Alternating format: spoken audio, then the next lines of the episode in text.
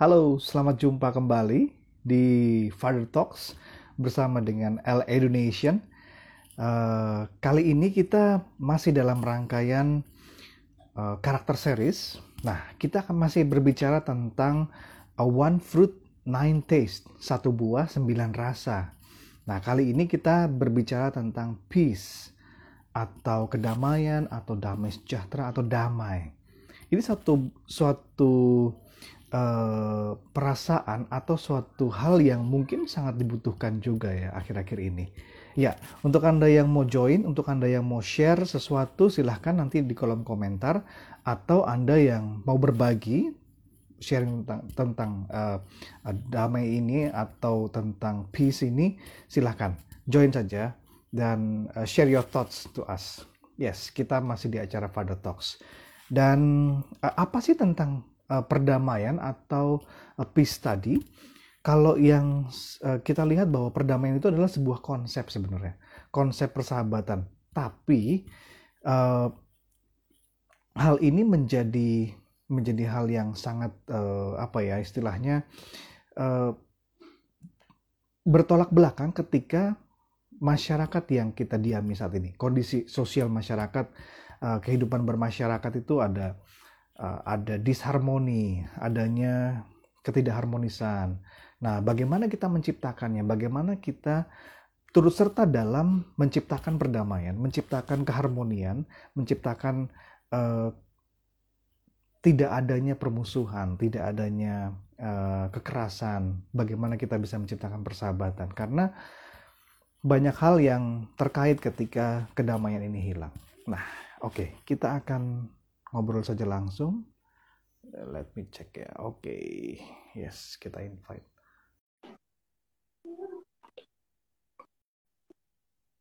Iya. Eits. Wah, biru-biru kita. oh iya, sama. Waduh, apa kabar, Pak? baik, baik, yes. baik, baik, baik. Nah, yes, yes, ini yes. kita bicara bicara masih di rangkaian karakter series ya, Pak ya. One Fruit Nine Taste. Kali yes. kalau yang uh, sebelumnya kan kita udah bicara mengenai love, kita bicara mengenai joy, sekarang kita bicara yes. mengenai peace atau damai atau damai sejahtera atau kedamaian. Intinya adalah damai. Ini hal barang eh, istilahnya apa ya kalau kita menyebutnya sebagai sebuah hal atau barang yang uh, langka dan ini sangat dibutuhkan, sangat sangat diperlukan akhir-akhir ini ya. Pertanyaannya Betul. gini, apa sih itu kedamaian? Apa itu kedamaian sejahtera gitu? Yes. Jadi kalau sebelumnya ya kita kan waktu beberapa waktu yang lalu kita ngomong tentang uh, ini berhubungan dengan yang namanya fear ya ketakutan itu. Oh, ya. oke okay, oke. Okay. Jadi yeah, yeah. Uh, ada apa namanya hubungannya ya, ada apa uh, sangkut pautnya dengan uh, fear ya, ketakutan hmm. yang pernah kita bahas gitu ya. Jadi di mana uh, musuhnya ya adalah ketakutan ya. Dan juga ketika hmm. damai sejahtera itu ada, ya kan? Itu yang namanya fear atau fearness itu uh, itu pasti akan lenyap, ya, akan sirna gitu ya. Nah, hmm. ini uh, gelap tidak akan bisa bersatu dengan terang gitu ya. Jadi berbicara ya. tentang fear atau berbicara tentang uh, kegelapan ya, bukan hanya kegelapan warnanya jadi hitam gitu enggak. Tapi uh, bagaimana ketakutan yang uh, bisa menguasai ya seseorang ya sehingga benar-benar kelam gitu ya. Dan ketika damai sejahtera itu hadir maka seperti terang yang akan apa yang akan mengalahkan kegelapan itu sendiri. Jadi kalau tadi Pak Nyoman tanya damai sejahtera itu apa gitu ya. Ya kalau kita uh, melihat pada arti yang sering kali orang katakan itu perasaan gitu ya, uh, bagaimana perasaan tidak takut, bagaimana perasaan tidak cemas, bagaimana perasaan tidak khawatir itu. Tapi saya nangkapnya gini Pak Nyoman, bahwa damai sejahtera itu bukan hanya perasaan, gitu ya. Oke. Okay. Uh, kalau perasaan kan kita bicara tentang kejiwaan, ya kejiwaan ya, uh, ya. pikiran, perasaan, ya kan kehendak. Nah, itu termasuk dalam kejiwaan. Uh, hmm. Jadi saya sih menganggap bahwa damai sejahtera ini lebih daripada hanya perasaan. Ah, seperti itu Pak Nyaman. Hmm, lebih dari sekedar perasaan, tapi uh, berarti apa itu Pak? Kalau bicara lebih dari perasaan. damai sejahtera ya, damai sejahtera eh, kembali lagi. Itu saya katakan dan bukan hanya saya katakan, tapi saya percaya bahwa damai sejahtera itu ada yang dari Sang Pencipta, Tuhan, Sang Kreator gitu ya. Ada juga damai sejahtera yang dibuat oleh dunia ya, hmm. yang diberikan oleh dunia, ya gitu ya. Hmm. Nah ya. ini uh, saya yakin dan percaya bahwa ini hal yang sangat mendasar gitu untuk membedakannya, ya kan.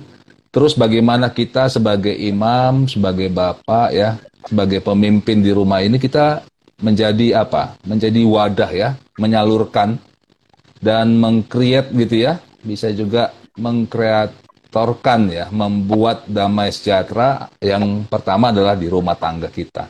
Untuk istri, untuk anak, ah, kayak gitu. Nah, kalau dibilang definisinya macam-macam sih Pak Nyoman. Defini, definisinya macam-macam. Tapi kalau analoginya yang sederhana gitu ya, saya sangat percaya dan saya sangat menginginkan dan juga mengharapkan damai sejahtera yang dari Sang Pencipta. Jadi bukan yang hmm. dibuat oleh dunia gitu ya, yang ya, dibuat ya. oleh uh, dunia, tapi hmm. yang dibuat oleh sang pencipta, sang kreator itu. Uh, jadi analoginya seperti itu. Jadi kita mengharapkan damai sejahtera yang kekal ya, seperti itu Pak Nyaman. Oke, oke.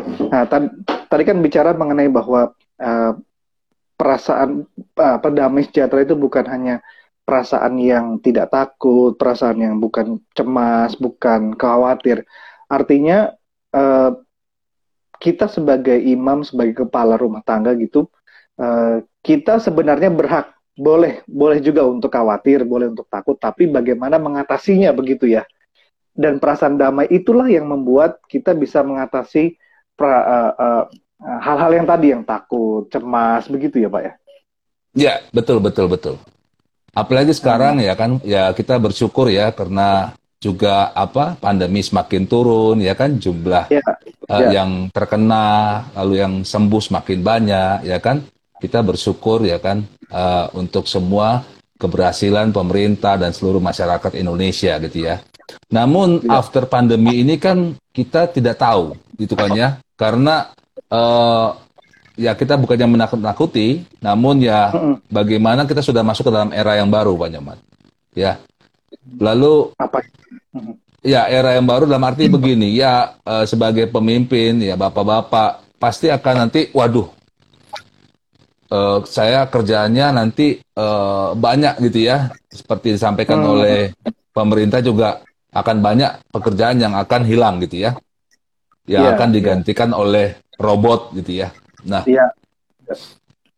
nah ini juga jadi ketakutan gitu kan ya untuk para bapak ya. nih ya yang sebagai pak sebagai apa namanya uh, pencari sumber penghasilan betul nggak Pak Nyaman? Betul, ya? betul. Nah, nah ini yang apa namanya yang saya bilang pentingnya damai sejahtera itu, ya pentingnya damai sejahtera itu, ya uh, damai sejahtera itu Pak kalau saya percaya begini, damai sejahtera itu tidak menyelesaikan uh, apa ya, uh, misalkan, gitu ya, tidak menyelesaikan masalah yang di depan, gitu Pak. Contohnya, contohnya begini, ya, contohnya ada seorang bapak-bapak yang di PHK, gitu ya.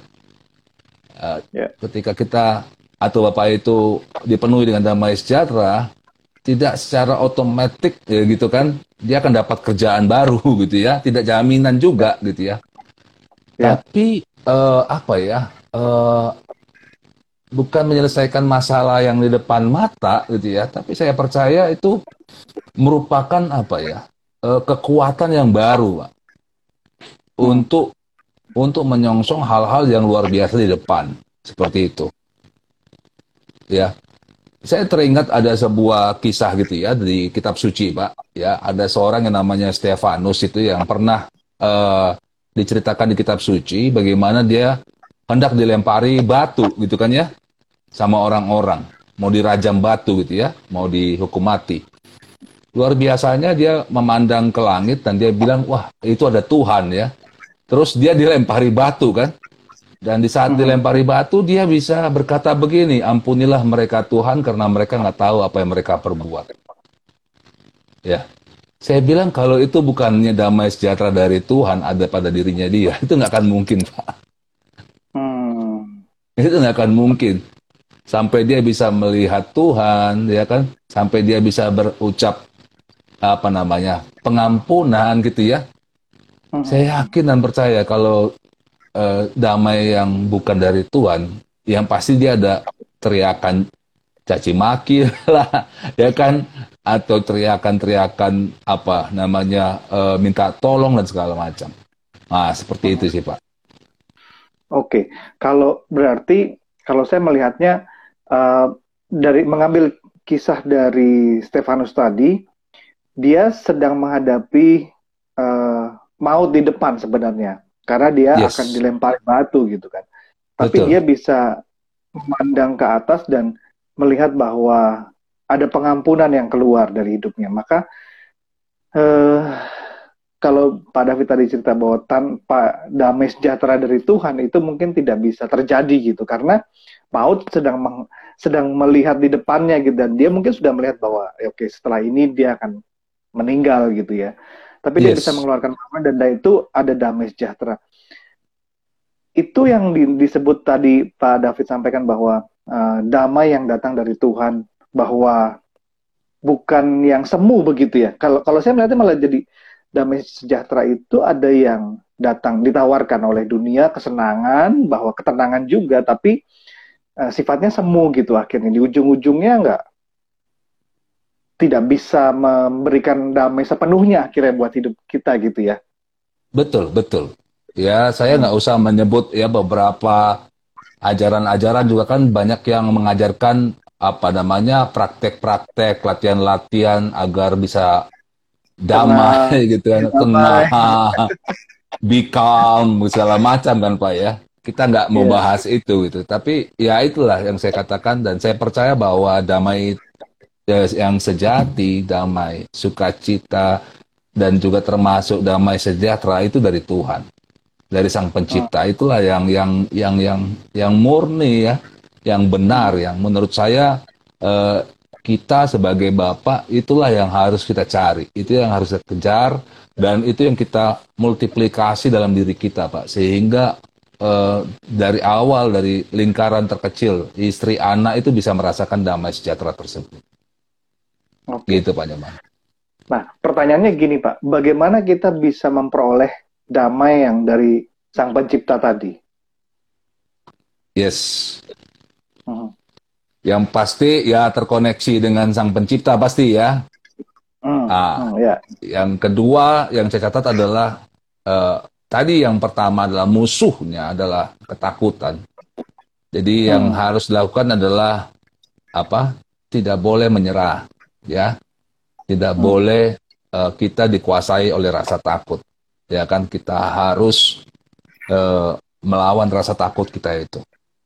Ya. Hmm. Ya dan yang ketiga adalah uh, yang saya catat ya Pak ya dari kisah tadi Stefanus itu ya, yang luar biasa adalah uh, benar-benar hati yang pure Pak, hati yang murni gitu ya, uh-huh. sehingga uh, yang keluar pun dalam perkataannya dia, walaupun dia dirajam sama batu ya, itu kata-kata yang bukan kata-kata yang berdosa gitu ya tidak caci hmm. maki, tidaknya tidak apa namanya uh, ya kata-kata yang tapi kata-kata yang keluar tuh malah kata-kata pengampunan.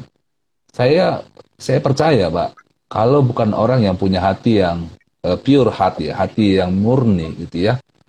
Itu nggak nggak mungkin, Pak, seperti itu. Kayak gitu. Itu sih Pak hmm. Nyaman.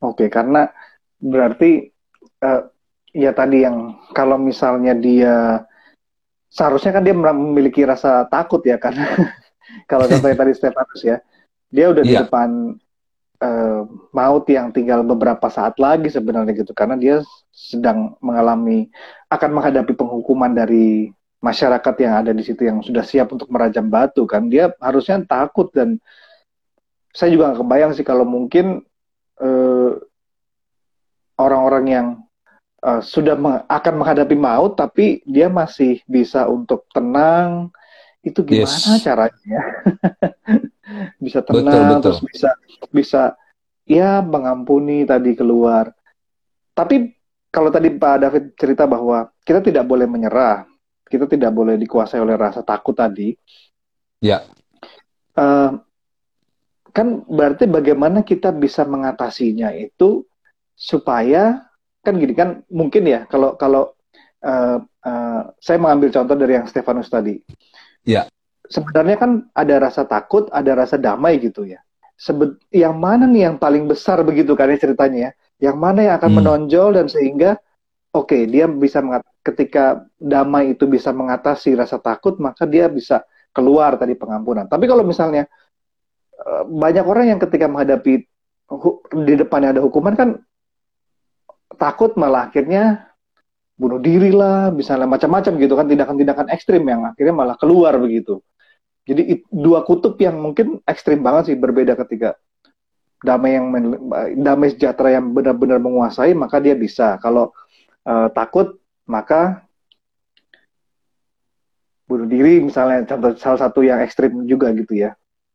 Betul pak, betul. Jadi uh, ini tadi saya mau jelaskan juga tentang bagaimana ketika orang itu ya uh, mencari gitu ya, mencari akhirnya kedamaian yang dari dunia, gitu ya. Hmm. Oke. Okay. Dan yang paling ya, yang paling uh, shortcut Pak Nyoman, yang paling cepat yeah. itu yang sering kali dilakukan oleh orang-orang adalah dengan uh, minum obat-obatan, ya, konsumsi ah, okay. narkoba, ya kan ya. itu akan begitu cepat mereka akan masuk ke dalam kedamaian. Tapi kedamaian yang ya. semu tadi kan, ya kan, ya. Ya. hanya sekian jam gitu ya. Uh, nanti mereka harus konsumsi lagi ya kan, sehingga uh, sampai habis semua ya kan. Akhirnya uh, yang dilakukan adalah uh, bunuh diri, ya gitu ya. Uh, Nah itu tuh yang saya katakan bahwa uh, ketika orang salah udah menganggap tentang apa sebenarnya analogi daripada damai sejahtera itu itu udah satu hal yang yang yang salah, Pak. Jadi harus hmm. dari awalnya harus benar-benar mempercayai bahwa damai sejahtera itu darinya uh, datangnya dari Sang Pencipta, dari Tuhan saja. Titik itu dulu, gitu ya. Hmm. Karena kalau sudah beranggapan bahwa dia bisa menciptakan damai sejahtera, ya kan? Itu dengan cara yang tadi kan, dengan mungkin tadi aliran-aliran atau ajaran-ajaran be calm gitu ya, jadi tenang ya. segala macam. Nah itu udah uh, mungkin mungkin beberapa saat sepertinya tenang gitu pak, ya kan? Mungkin uh, secara kasat mata ya sementara bisa kelihatannya tenang, tapi percayalah, ya kan, ketika nanti akan ada ujian yang lebih lagi, ya kan, itu akan terlihat, ya, itu dibangunnya pakai dasarnya apa gitu ya, hmm, iya, dasarnya iya. dari dari emas kah, dari besi kah, atau dari kayu atau dari eh, bahan-bahan uh, yang mudah kebakar gitu. Jadi jadi yang paling penting sebenarnya tadi adalah bagaimana pertama kali kita harus percaya dan yakin bahwa damai sejahtera yang benar itu dari Sang Pencipta, dari Sang Kreator itu sendiri. Hmm. Itu Pak Nyaman. Dan untuk mendapatkannya sebenarnya tidak sulit ya. Artinya karena dari Betul. dari kita kita tinggal ter, tadi yang Pak David cerita bahwa kita terkoneksi saja dengan Sang Pencipta. Betul, betul. Seringkali yang membuat kita itu jadi kepengen buru-buru ya karena kan ya kita masih darah dan daging ya Pak ya. masih iya. injak bumi gitu kan ya. Masih waduh karena rasa takut jadi udah kepikir wah harus selesainya begini, ya, harus begini gitu kan. Harus diselesaikannya begini kalau enggak wah harus begini. Padahal kalau kita mau tanya sang pencipta ya, yang hmm. tahu masa depan kita, yang tahu tentang jalan hidup kita, saya yakin bahwa sebenarnya ada cara lain gitu kan ya. Nah itu yang hmm. ya cap kali yang saya bilang adalah dorongan untuk cepat-cepat itulah buru-buru itu yang akhirnya membuat kita shortcut pak Hmm. seperti itu mencari damai sejahtera yang bukan dari sang pencipta. Ah seperti itu. Iya, apakah bisa damai? Ya saya bilang bisa damai tapi kelihatannya. Betul. kelihatannya Betul. damai pak. Tapi ya nggak akan kekal pak. Dan tidak Hmm. akan teruji lama. Nah gitu pak Jan. Oke, terkadang kan eh, sebenarnya apa ya eh, peperangan itu juga eh, bukan hanya eksternal gitu. Maksudnya gini, ketika kita menghadapi masalah, iya kita terlihat ada ada masalah di depan gitu, seperti yang tadi contohnya si Stefanus gitu. Iya, ada orang-orang yang siap merajang dia dengan batunya.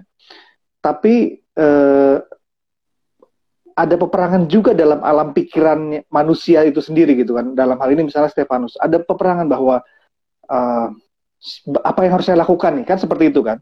Apakah Ya. saya apakah saya berespon negatif, apakah saya eh, mengeluarkan cacian gitu kan atau dia oke ketika ketika dia sudah mengatasi pers- eh, peperangan dalam alam pikirannya, dalam pikirannya dia, maka di kedamaian itu yang bisa muncul begitu ya Pak ya. Yes, yes, yes. Betul, Pak. Ya, balik lagi kepada pikiran tadi ya. Masuk ke Ya. pikiran kan kita tahu ya kan dari apa? Dari visual kita, dari pendengaran, dari mata. Jadi Ya. betul Pak Nyoman. Sangat amat penting apa yang kita masukkan dalam pikiran kita. Ya kan? Hmm. Dan eh, kalau kita apa namanya, kita isi pikiran kita dengan eh, dengan kitab suci gitu ya, dengan doa ya kan, dengan banyak memuji menyembah Sang Pencipta ya kan, Tuhan yang Maha Esa gitu ya. Pasti pikiran kita pun luar biasa ya, bukan pikiran bukan pikiran apa yang dipikirkan dunia gitu ya, tapi pikirannya sang pencipta itu yang kita kenakan gitu ya. Nah, itu yang saya bilang kayak gini, Pak. Jadi ini ada sebuah kisah lucu ya. Kocak nih waktu dulu di SMA ya kan. Jadi waktu pulang dari sekolah gitu ya. Kita tuh biasa ya. Ya namanya juga anak SMA, Pak ya. Nggak langsung pulang Iya. tapi nong nongkrong dulu kan di pinggir Iya. jalan gitu kan. nongkrong ya kan sampai gelap gitu kan baru pulang gitu. Nah, jadi kocaknya gini, Pak. Jadi ada ada teman saya nih. Waduh, ini teman saya ini saya saya salut lah sama dia ya. jadi begini. Jadi waktu itu ada tentara lagi latihan, Mbak.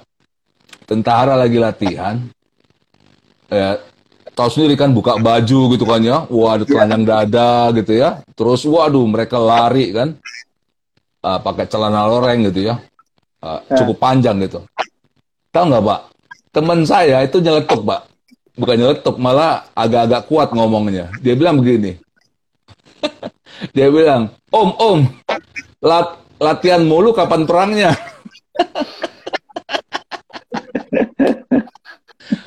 kita langsung, kita langsung toel palanya dia kan. Wah, Iya. waduh, lu, lu nggak mau pulang ke rumah dengan selamat kayaknya. Mereka itu tentara semuanya langsung pada liatin dia gitu kan sambil lari sambil liatin dia waduh saya bilang nih kalau komandannya bilang gebok gebok beneran Iya, iya. tapi saya gini saya jadi teringat gini pak benar juga ya. Kalau kita pikir-pikir ya kan tentara gitu ya. Kita ngomong tentara ya pak ya. Eh, tentara Indonesia. Kalau kita lihat kan mereka latihan terus pak tiap hari. Hmm. mau ada perang ya kan? Ya. nggak ada perang mereka latihan mbak Betul. ya kan? Betul. nah semestinya kita pun demikian ya. Ada masalah nggak ada masalah kita pun harus latihan. Ya latihannya itu pak berdoa ya kan? Dengan memuji menyembah sang pencipta baca kitab suci ya kan? Itu merupakan latihan pak. Hmm. ya kan? Jadi ada nggak ada masalah ya kan? Sama seperti tentara tadi kan? Ada nggak ada perang dia akan terus latihan gitu ya. Sampai kapan? Ya terus gitu kan ya. Ah, kayak begitu. Bukannya nanti dia apa ya akhirnya cari-cari supaya jadi apa mengharapkan perang. Enggak malah saya pernah baca sebuah buku ya namanya bukunya itu tentang warrior gitu ya. Mhm. Tentang warrior, mereka itu malah apa menginginkan eh, walaupun mereka tuh latihan sedemikian rupa, Pak. Ya, Mhm. tapi mereka menginginkan kedamaian. Mereka bagaimana caranya supaya tidak tidak perang gitu ya. Bagaimana tidak apa, jangan sampai perang ya. Jadi semestinya juga seperti itu. Jangan kita juga nanti setelah kita latihan terus kita jadi cari-cari masalah gitu, nggak juga ya. Mhm. Kayak Iya, gitu. iya. Tapi ya itulah, tadi yang saya catat adalah eh, ada nggak ada masalah, kita harus latihan. Latihannya yaitu Iya. dengan doa, ya kan? Dengan baca kitab suci, ya kan? Ah, dengan memuji, menyembah Sang Pencipta. Nah, itu Pak. Iya, Ka- karena eh, kalau misalnya kita tidak melatih pikiran kita, maka eh, akan sangat mudah kita ditaklukkan oleh perasaan takut, ya kan? Perasaan untuk ya udah gue kalah menyerah gitu terhadap terhadap masalah yang mungkin sebenarnya eh, bisa kita atasi kalau misalnya kita sudah sering berlatih gitu kan? Exactly. Betul, Pak. Iya. Betul, betul, betul. Dan latihan tadi yang saya tangkap itu latihan yang apa ya? eh, berhubungan tadi ya. Jadi memang kalau dari beberapa definisi tentang damai sejahtera itu kan berbicara tentang perasaan ya. Banyak saya Hmm. baca itu tentang perasaan, perasaan, perasaan gitu ya. Hanya di jiwa gitu ya. Jadi Hmm. bagaimana nanti ada latihan supaya jiwanya tenang gitu ya. Eh, segala macam segala macam aliran gitu ya. Namun kalau saya nangkapnya begini Pak, kalau berbicara tentang eh, hal eh, buah eh, buah buah karakter ini ya, Ya. ini berbicara tentang yang eh, kekal Pak. Jadi Hmm. nggak yang semu, nggak yang sementara. Ya, dari awal kita ngomong tentang eh, pertama itu tentang kasih, ya kan? Terus sukacita. Hari ini kita bicara tentang damai, sejahtera dan seterusnya.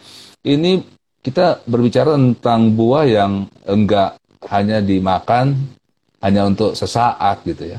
Tapi ini buat eh, selamanya, kekal adanya.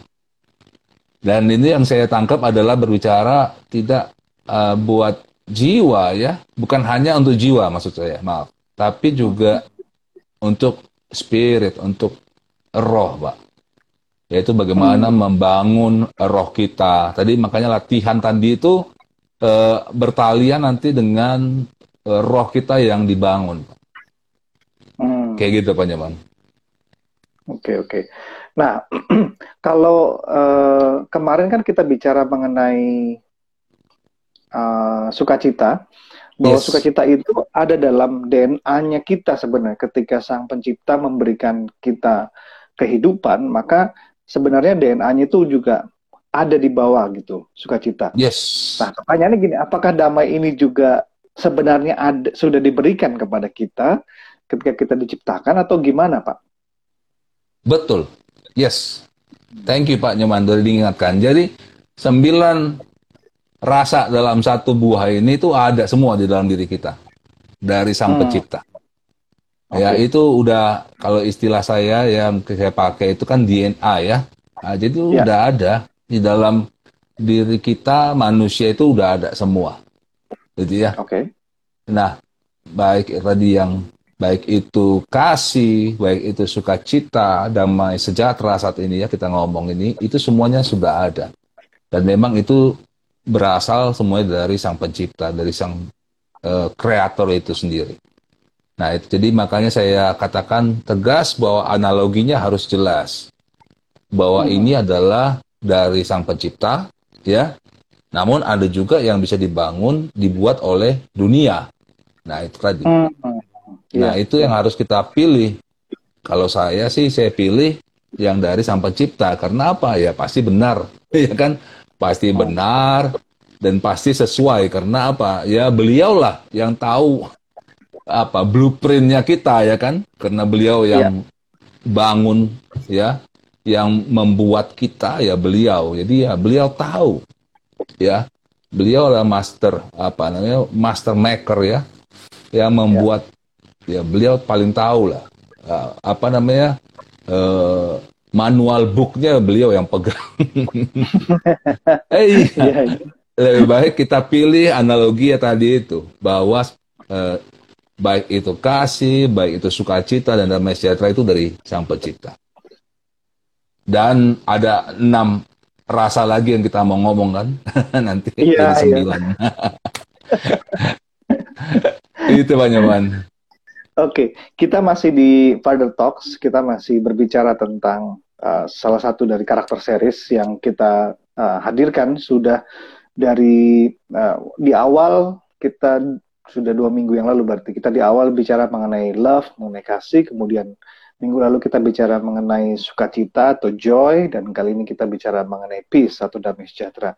Untuk anda yang mau share, uh, silahkan di kolom komentar atau uh, banyak hal yang masih kita akan bahas nih ke depannya. Uh, ada berarti tinggal enam rasa lagi dari sembilan rasa yang kita akan hadirkan nih ya. nah, yes, Pak, yes. Kalau yeah. tadi bahwa ini adalah uh, sudah ada DNA-nya, kemudian dunia juga menawarkan mungkin hal-hal yang mirip sepertinya dibungkus dengan begitu manisnya bahwa ini loh hmm. kedamaian. Tapi hmm. ternyata sifatnya ada yang mungkin sebentar, ada yang dua jam, ada yang hanya beberapa saat gitu, bukan yang hmm. bukan yang kekal. Ketika kita menghadapi masalah yang sama, belum tentu kita uh, uh, berhasil mengatasi dengan kedamaian yang ditawarkan oleh dunia gitu kan. Nah pertanyaannya yes. gini pak, yeah. bagaimana kita bisa tahu sebagai pemimpin, sebagai imam bahwa yeah. ini adalah kedamaian yang sejati yang sebenarnya sudah kita miliki dan uh, ini berbeda dengan yang dunia tawarkan gitu. Bagaimana kita tuh bisa mengetahui oh ya ternyata ini dia kedamaian yang gue butuhkan kan gitu ceritanya. Yes, bagus sekali Pak Nyeman pertanyaannya. Jadi yang uh, jawaban yang tentang apa yang tadi ditanyakan oleh Pak Nyoman tadi itu tadi ada sangkut pautnya dengan kejadian yang kita sampaikan ya, kisah daripada Stefanus tadi. Oh, Oke. Okay. Jadi ketika kita bagaimana membedakan ya sebagai imam, sebagai pemimpin di rumah tangga ya, sebagai bapak ya. Apakah di damai sejahteranya sang pencipta atau -huh. damai sejahtera yang ditawarkan dunia. Gitu ya. Yeah. Tadi kisahnya ada, Pak yaitu ketika hmm. Stefanus hendak dirajam batu, ya, udah umurnya udah di ujung tanduk gitu ya, nyawanya udah di ujung tanduk ya kan, apa yang hmm. dia lihat pak? Dia mengedah, mengadahkan kepalanya ke langit dan dia melihat Tuhan di sana kan. Hmm. Nah, jadi saya bisa simpulkan, Pak. Damai sejahtera yang dari Tuhan gitu ya. Walaupun kita ada di dalam keadaan yang sangat-sangat mengerikan. Yang sangat-sangat menakutkan gitu ya. Mungkin nggak se ekstrim Stefanus gitu ya. Bakal dilempari batu ya kan, dirajam batu. Ya. Tapi kita bisa melihat sang pencipta ya. Itu buat saya, wah ini damai sejahtera yang dari Tuhan. Seperti itu. Jadi bukan uh, bukan apa ya? Uh, mungkin ada pertanyaan, Pak, apakah kita dengan kasat mata gitu nanti ya melihat sang pencipta ya seperti itu ya kan? Ya, jawabannya bisa iya ya, tapi juga bisa enggak.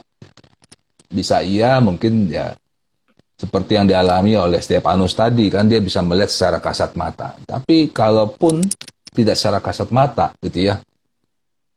Jadi mata batin kita tuh ngelihat Pak. Bisa melihat ya bahwa ada sang pencipta di sana ya. Di atasnya.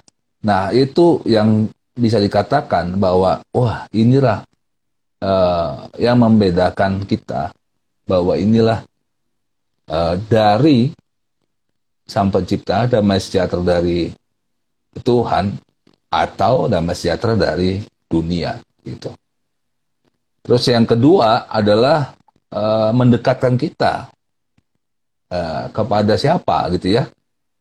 Kalau hmm. damai sejahtera yang dari Tuhan, saya percaya dan saya yakin, Pak, itu akan membawa kita semakin dekat kepada kepada Tuhan, gitu ya. Ya, ya. Tapi kalau yang dari dunia ya akan membuat kita semakin dekat sama dunia, gitu ya. Maksudnya sama dunia dunia yang benar, Pak. Ya, dunia kuburan maksudnya. ya kan kalau orang semakin banyak dia konsumsi narkoba ya kan semakin dekat dia sebenarnya dengan kematian ya kan dianya aja yang nggak yeah. sadar gitu yeah, jadi yeah. semakin membuat dia semakin ya, mendekati dalam dalam dunia benar-benar dikubur maksudnya seperti itu tapi kalau kita uh, oh ya ini dari Tuhan ya kan mendekatkan kita semakin dekat sama Tuhan Nah, hmm. itu Pak. Dua hal itu. Oke. Jadi kita uh, melihatnya ini akan mendekatkan kita kepada siapa nih? Kepada Sang Pencipta? Ya mungkin udah ya kepada Sang Pencipta atau kepada dunia yang ada di dalam di dalam dunia gitu ya. Iya. iya. Nah, kalau ditanya kalau ditanya lagi gitu hmm. kan, Oh, tapi Stefanus mati Pak akhirnya kan kayak gitu. Ya, ya betul, ah, betul. ya kan? Ya benar juga kan mendekatkan dia juga sama Tuhan juga jadi semakin dekat nih sama Tuhan. Secara harafiah jadinya kan. Jadi dia ketemu benar-benar ya dia meninggalkan raga dia, jasmani gitu kan, secara uh, badan manusia ya tapi dia diberikan badan yang baru dan ketemu sama sama pencipta, sama Tuhan gitu ya. Hmm. Dan yang kalau saya bilang bahwa ah ini yang menarik Pak, ukurannya ya ukurannya ini yang terpenting kalau saya bilang. Ukurannya adalah ukurannya siapa gitu. Itu yang paling penting. Artinya gini, seperti tadi yang saya katakan ya, Stefanus mati gitu ya. Mati gitu kan. Mungkin secara manusia ya udah game over gitu Pak ya. Mati kok. Iya. Betul. Tapi kalau kita pakai ukurannya sang pencipta, oh enggak, dia malah menang. Artinya apa? Dia ketemu sama saya, gitu kan ya. Dia balik lagi ke saya, gitu. Nah, tugasnya sudah selesai dan dia dipermuliakan, gitu. Dalam kehidupan yang berikutnya. Nah, itu yang saya bilang juga hal yang terpenting, gitu ya. Kita, ketika kita berbicara tentang ini semua, kita mau pakai ukurannya siapa sih, Pak? Gitu. Hmm ukurannya sang pencipta kah? Atau ukuran manusia? Gitu. Kalau ukurannya manusia ya ya kita lihatlah, ya kan? Yang sekarang juga lagi rame kan Pak? Orang-orang berlomba-lomba dengan segala kekayaan, ya kan? Rumah, mobil, segala macam gitu ya. Tapi balik lagi gitu ya, apakah itu semua nanti akan kekal, ya kan? Tidak tentunya. Kayak gitu. Itu sih Pak Nyoman. Oke, berarti ukuran siapa yang akan kita pakai nih? Nah, yes. kalau secara uh, aplikasi sederhananya, ketika kita sebagai pemimpin nih, sebagai imam, yeah. Ya. uh, kalau kita mendekatkan diri kepada Tuhan, maka ada kedamaian kekal sebenarnya, kedamaian yang dari daripada Tuhan itu sendiri yang uh, menaungi hidup kita dan dampaknya implikasinya adalah apakah keluarga nah di keluarga hmm. ini uh, semakin tenang ya mungkin kalau bicara di awal sebelumnya before and after nih beforenya adalah dia uh, kepala keluarga yang pemarah kemudian uh, suasana di rumah itu kalau orang sering bilangnya tuh kayak di neraka tapi saya bingung gitu emangnya udah pernah ke neraka ya Sehingga mereka eh. mereka sering bilang kan gitu kan, rumah kayak iya. di neraka gitu. Waduh, kamu pernah ke neraka ya? Mampir kali. Kan, padahal kan kalau kalau yang kita baca atau yang kita tahu mungkin ya nggak sedikit memang sih karena saya belum pernah ke neraka dan mudah-mudahan nggak ke sana kan dan pasti nggak ke sana. Yeah. Neraka itu kan uh, banyak api, terus banyak siksaan hmm, kayaknya berbeda gitu sebenarnya. Kalau rumah seperti neraka itu bagaimana? Aduh, ya mungkin baru seberapa persennya neraka gitu kali ya kalau mereka yang bab, si imam ini tidak tidak memiliki kedamaian uh, dari Tuhan, maka rumah jadi tidak sejahtera, rumah menjadi seperti uh, tidak enak untuk di, tidak nyaman untuk ditinggali. Home sweet home-nya tuh nggak ada gitu ya. Mungkin yes, mungkin hal-hal seperti itu ya kali ya Pak ya, yang yang implikasi sederhananya buat uh, para imam ini ketika memiliki kedamaian sejati dari Sang Pencipta gitu ya. Maka rumah betul, akan betul. berbeda gitu ya. Betul, ya, betul Pak Nyaman. Jadi uh, balik lagi kepada lingkaran yang paling kecil ya, yaitu ya. keluarga gitu ya. Uh, keluarga di mana kita uh, kita sudah menjadi nggak jadi salurannya sang pencipta gitu kan uh, sebagai pembawa damai sejahtera ya kan terus ya. bisa dirasakan nggak dengan lingkaran kecil kita terlebih dahulu istri anak gitu kan ya nah uh-huh. kalau mereka mereka pun belum merasakannya gitu kan ya something wrong with us gitu ya uh, uh-huh. kalau misalkan di kantor atau di di di usaha di pekerjaan orang-orang bisa melihat wah bapak orangnya tenang banget ya orangnya peaceful gitu ya Hmm. Tapi di rumah itu, waduh, kita pulang itu udah kayak ya, keadaan bisa langsung. tadinya apa namanya gembira bisa langsung jadi, waduh, sunyi sepi gitu ya, jadi ketakutan gitu ya. Kayak di angker, betul. Jadi pembawa angker. Nah itu kan something wrong, Pak. Artinya, hmm. ya, ya. Artinya kok orang di luar sana bisa melihat kita tenang, bisa uh-huh. bisa melihat kita pembawa damai gitu kan bisa uh-huh. melihat oh sangat-sangat calm gitu ya tapi ketika kita pulang ke rumah rumah yang tadinya gembira tiba-tiba bisa jadi mencekam gitu ya. Itu something uh-huh. wrong kalau saya bilang mbak. Ya itu itulah yang saya bilang ya ya harus apa namanya introspeksi diri dan harus benar-benar uh, menyadari uh, bahwa wah ada yang sesuatu hal yang saya harus rubah. Kayak oh. begitu.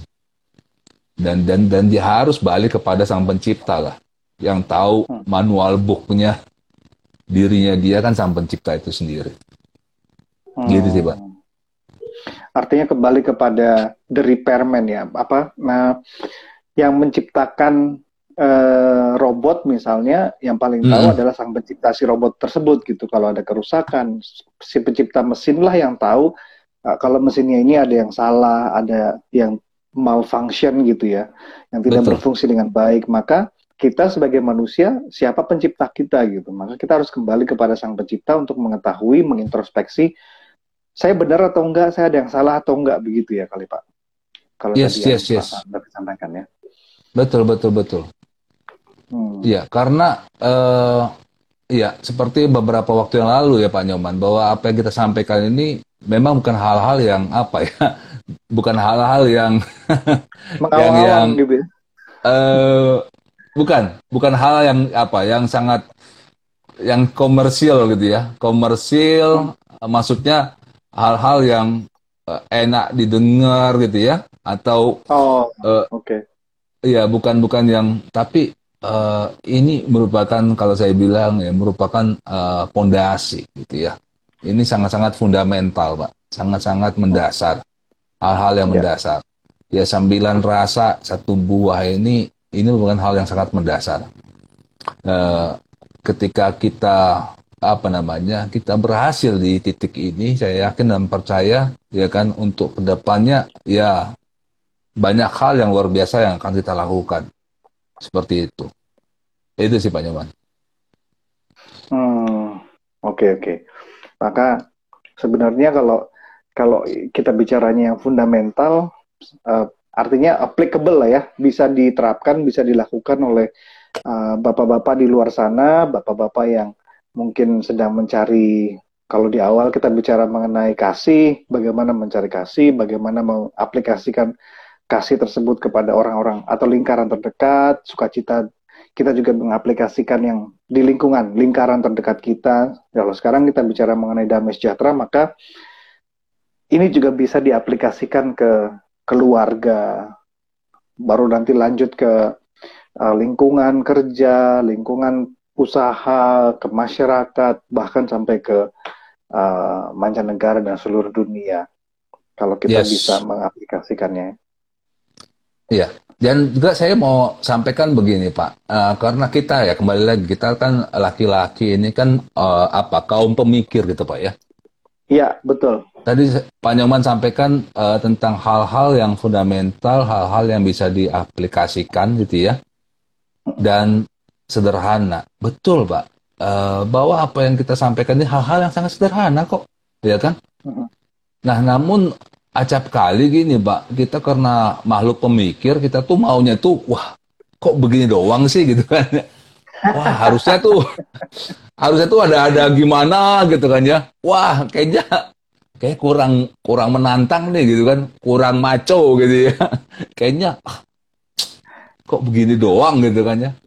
Tapi contohnya kayak gini Pak, ini sederhana ya, Eh, sangat sederhana gitu ya. Eh, kita pernah bahas ini ya, tapi saya teringat ya.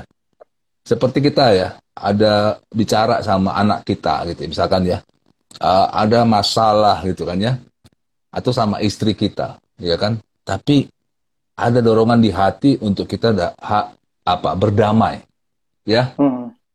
Tapi di pikiran itu, wah, masa gua bapak sih yang mulai dulu, ya kan? Yang minta maaf dulu, waduh, di mana nanti muka gua gitu kan? Sama istri Bukan apalah, Hah? Bukan salah gua gitu ya. Iya, kan gitu. ah kayak gitu.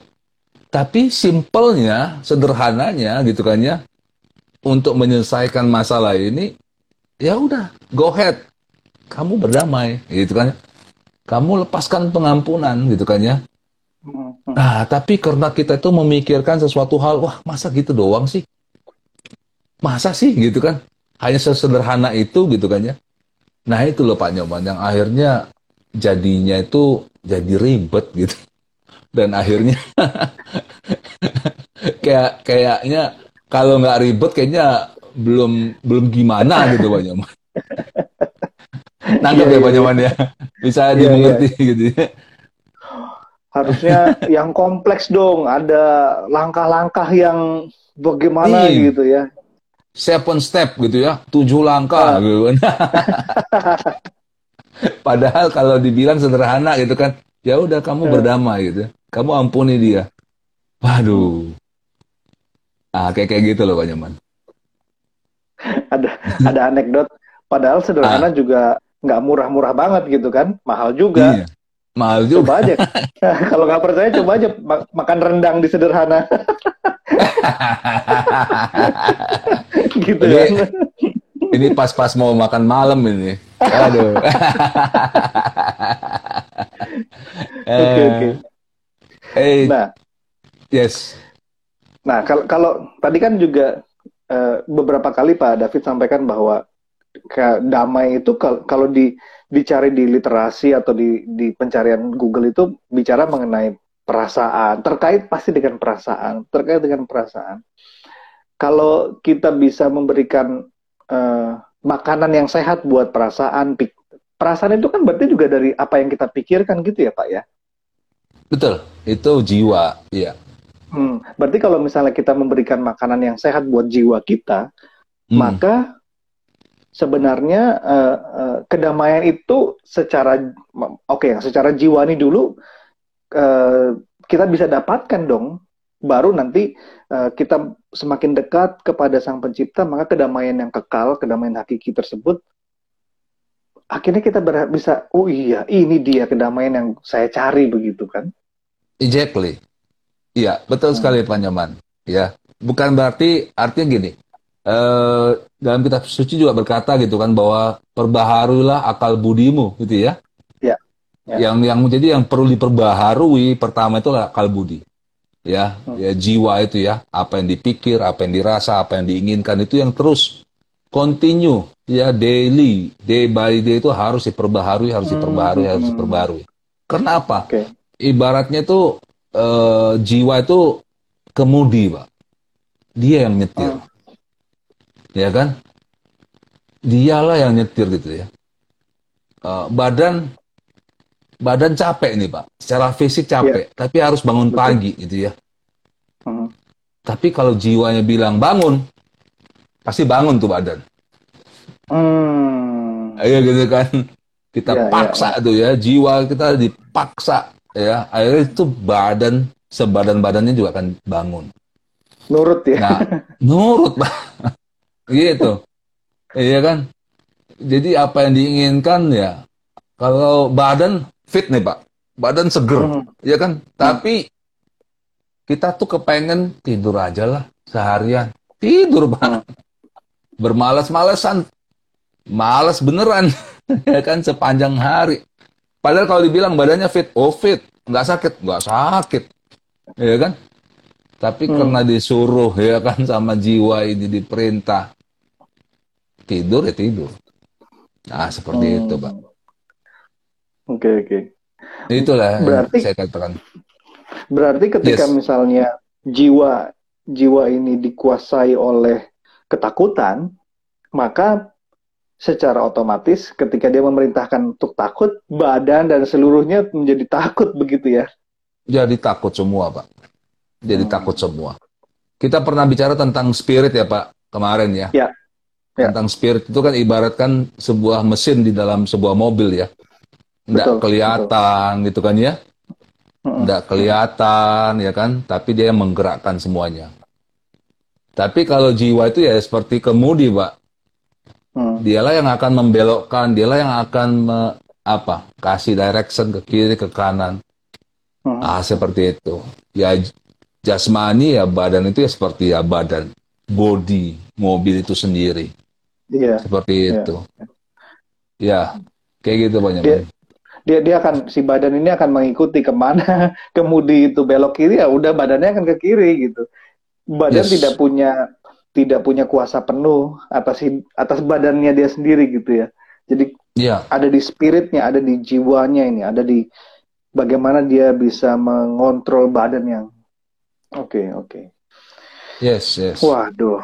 Ini rangkaian dari karakter series yang luar biasa.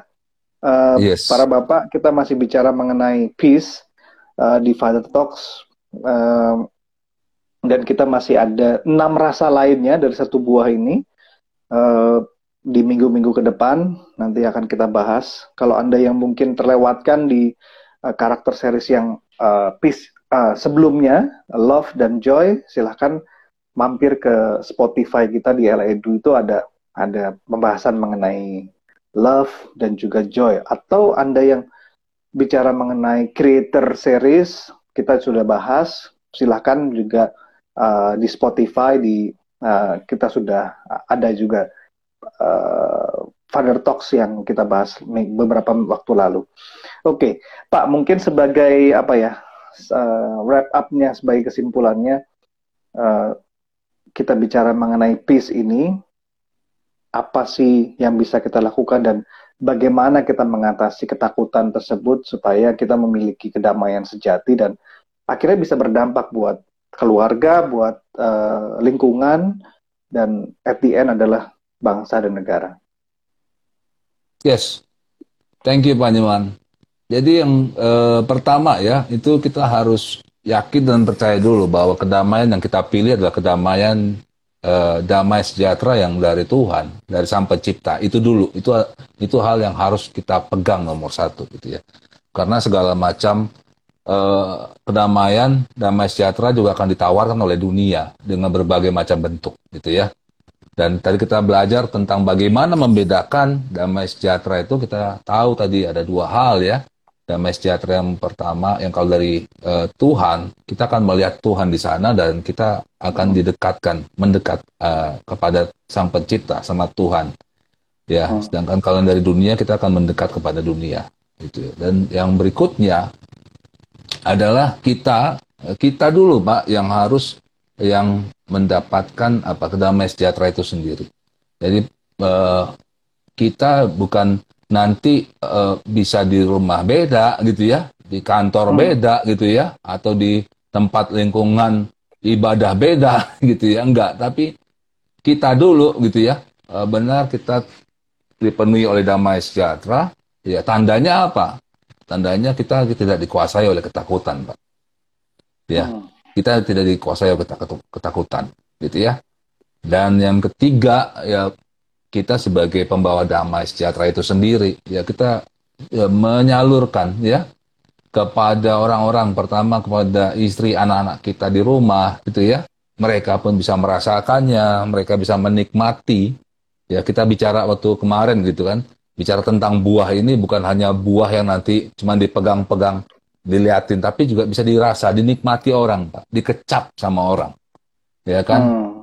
nah, dan dan orang akan memuliakan siapa? Bukan memuliakan kita tapi memuliakan yang punya. Sang pencipta, sang pencipta ya. Sang pencipta itu yang dimuliakan gitu. Nah, jadi tiga hal itu yang saya catat Pak bahwa uh, saat-saat ini ya saya mungkin uh, menyampaikan pesan gitu ya buat kita kaum bapak ya, para imam, para pemimpin di rumah gitu kan ya, uh, supaya jangan hidup di dalam ketakutan, harus bangkit, harus lawan ketakutan gitu kan ya dipenuhi oleh damai sejahtera, damai sejahtera yang dari Sang Pencipta, dari Tuhan, dan bagaimana uh, kita bisa menjadi saluran damai sejahtera itu sendiri. Ya dimulai dari keluarga kita merasakannya, istri, anak, anak kita merasakannya, sampai ke tempat kerja, usaha, lingkungan dan seterusnya. Itu Pak Nyoman. Wow, thank you, thank you, thank you. Luar biasa. Yes waduh banyak hal yang sudah kita sampaikan baru di yang uh, yang sudah kita bahas ini di di piece karakter series One yes. Fruit Nine Taste.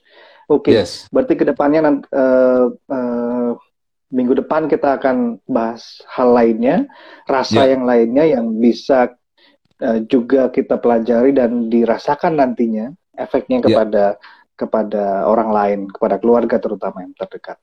Oke. Okay. Yes. Ada hal lain mungkin yang mau disampaikan, Pak? Uh, cukup itu saja uh, buat kita semua yang mendengarkannya, baik yang ada di YouTube, ya kan, di sosial media, di Spotify, ya kan. Maju terus ya, keep on fire, ya, terus maju di dalam Tuhan Sang Pencipta, ya kan. Uh, saya yakin dan percaya tidak ada masalah yang lebih besar daripada Tuhan yang telah menciptakan kita. Oh, luar Thank you, biasa. Pak. Oke, okay. thank you, thank you Pak David. Luar biasa Sama-sama. yang sudah di sharing. Kita berjumpa Yo. di minggu depan kalau gitu Pak ya. Thank Mari. you Pak. Yuk. Stay safe. Thank you. Ah, luar biasa.